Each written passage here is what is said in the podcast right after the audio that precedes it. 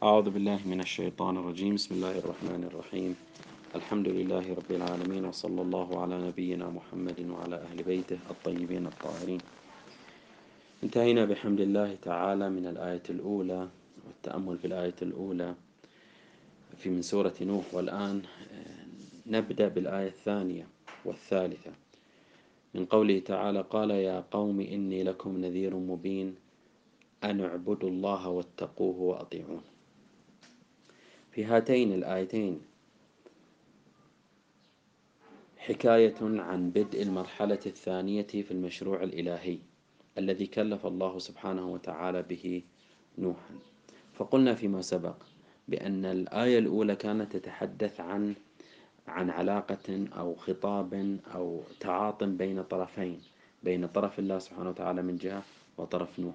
وهو عملية أو العملية الأولى أو المرحلة الأولى من مراحل هذه الدعوة وهذه وهذا المشروع الإلهي. وكانت كان تكليف من الله سبحانه وتعالى لنوح. الله سبحانه وتعالى يريد أن يبعث إلى قوم مبعوثا معين فالآن يعطيه ويبدأ بتدشين صح التعبير المرحلة الأولى من خلال تكليفه. أنك أنت مبعوث من قبلي لهؤلاء القوم.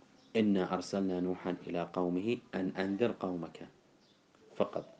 هذا تعاطي بين الله وبين نوح عليه السلام. أما في هاتين الآيتين قال يا قوم إني لكم نذير مبين. بدء المرحلة الثانية. بدء المرحلة والمرحلة الثانية بطرفين. طرف نوح من جهة وهو المبعوث من قبل الله وطرف القوم المنحرفون.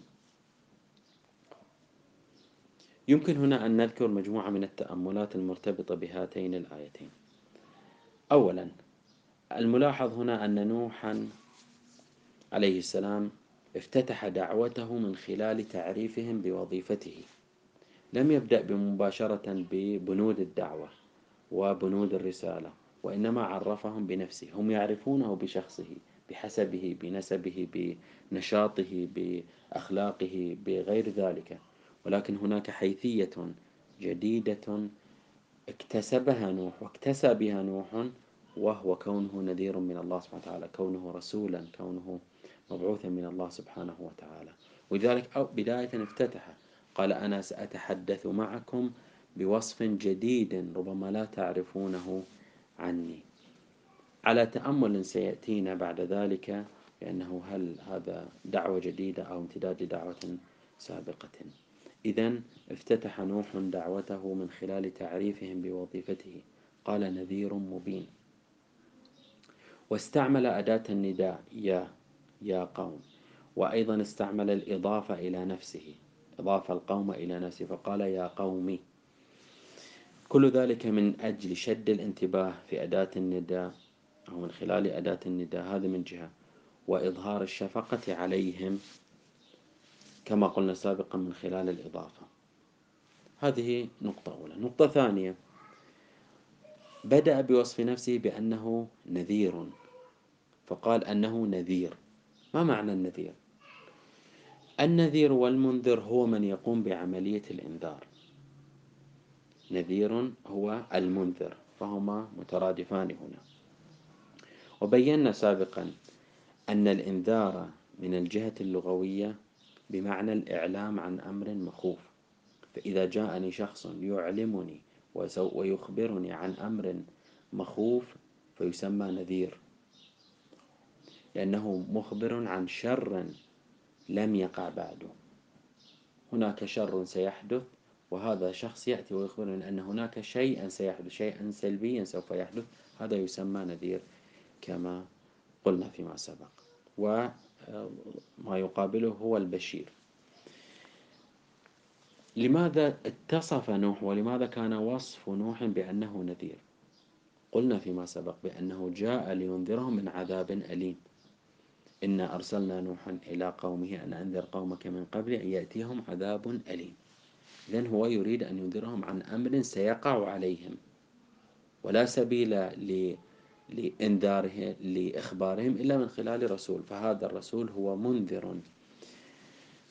آه، لهؤلاء القوم عما أعده الله سبحانه وتعالى لهم فيما لو لم يعودوا لرشدهم أيضا أضاف وصفا آخر بأنه مبين والمبين كما هو يعني واضح بمعنى الواضح الجلي. هذا أمر مبين معنى أنه واضح وجلي أو من الوضوح من الوضوح والجلاء بشكل أدق. الآن هذا المبين ما هو متعلقه؟ ما هو متعلق المبين؟ كون هذا الشيء مبينا. نوح يقول أنا إني نذير مبين. ما هو المتعلق؟ ما هو الموصوف بأنه مبين عند نوح؟ هناك احتمالات. أو احتمالان. الاحتمال الأول أنه مبين وموضح لما يقيهم من العذاب الأليم. من خلال أن اعبدوا الله واتقوه وأطيعوه وبتعبير آخر لأن نوحا هو الذي سوف يرسم لهم طريق النجاة من هذا من هذا العذاب الذي قرر في حقهم لأنه سوف يرشدهم إلى الطريق الصحيح فهو مبين وموضح للعذاب ولطريق الخلاص من العذاب. هذا الاحتمال الأول. الاحتمال الثاني يرتبط بنفس عملية الإنذار. يعني عندما يقول إنني نذير مبين يعني كوني نذير هذا من الواضحات ومن الأمور الجلية ووجه وضوحه أنني ابن هذا المجتمع الذي تعرفونه وتد عم تدركون ما يريده من خير لكم. فأريد أن أبعدكم عن شر سيقع عليكم. فإذا هذا من الواضحات أني لست متصيدا عليكم ولست آه، بعيدا عن همومكم. إنما أريد أن أوضح لكم بأن هناك عذاب سوف يقع عليكم. فإذا متعلق الوضوح أو هذا الوصف المبين إما أن يكون لما سيأتي به نوح لهم بأنه وصف بأنه مبين للخلاص أو أنه يكون لنفس عملية إنذاره فأنه فكونه منذر وكونه نذير هذا من الأمور الواضحات هذه نقطة ثالثة. نقطة رابعة. أن نوحا استعمل في إظهار شفقته على قومه حال خطابهم له مجموعة من المؤكدات. استعمل النداء. قال يا قوم يا أداة النداء. وأضاف القوم إليه فقال يا قوم. ثم استعمل أداة التوكيد فقال إني لكم نذير مبين. هذه المؤكدات تكشف عن مدى الشفقة التي يظهرها نوح حال دعوته لهؤلاء القوم. إذا في هذا المقطع قال يا قوم إني لكم نذير مبين. دخل نوح إلى قومه من خلال تعريفهم بحيثيته الجديدة التي اكتسبها من تكليف الله سبحانه وتعالى له بهذه الدعوة وبهذه الرسالة. ثم بعد ذلك يبدأ نوح بتفصيل هذه الدعوة. أنا نذير لكم مبين لكم. هنا كيف ما هو ما هو متعلق وما هو مادة الإنذار؟ جاء في الآية الثالثة قال أن اعبدوا الله واتقوه وأطيعون. هنا توضيح لمادة الإنذار ومتعلقه وهو عبادة الله سبحانه وتعالى والتقوى وإطاعته. إذا الإطار الكلي المواد الأساسية التي تشتمل عليها دعوة نوح أو مادة الإنذار في رسالة نوح وهذه الأمور الثلاثة. اتقوا الله اعبدوا الله واتقوه وأطيعوا.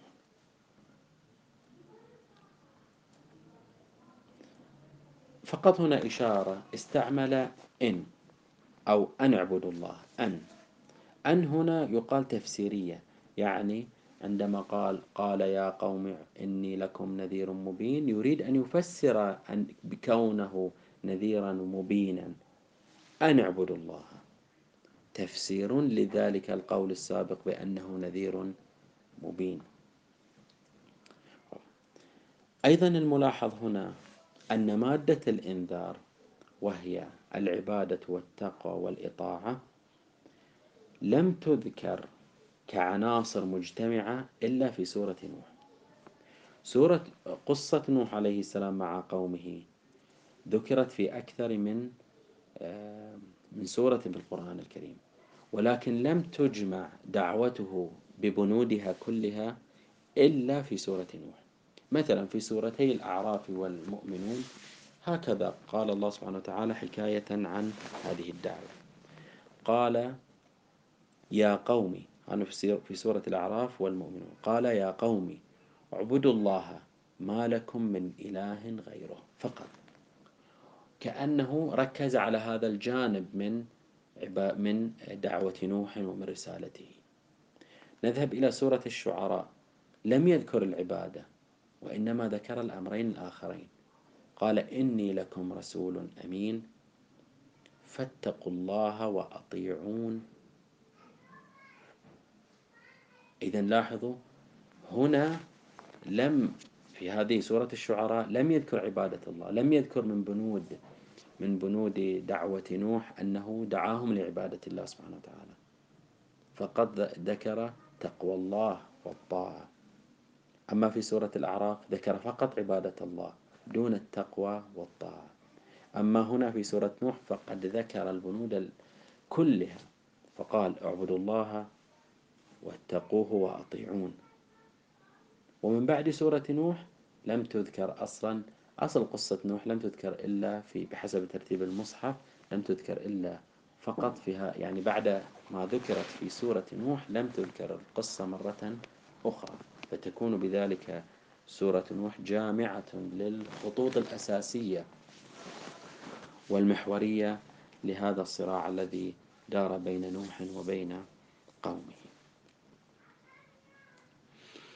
الأمر السادس أيضا الذي يمكن أن يذكر هنا وهو مادة الإنذار وهي ما وهي يعني موضوع أساسي ولا بد من الوقوف عنده بشيء من التفصيل. مادة الإنذار أو رسالة نوح مكونة من ثلاثة بنود. الأمر الأول عبادة الله. الأمر الثاني تقوى الله. الأمر الثالث آه، طاعة نوح. بالنسبة. للبند الأول وهو عبادة الله. هذا البند يعتبر أس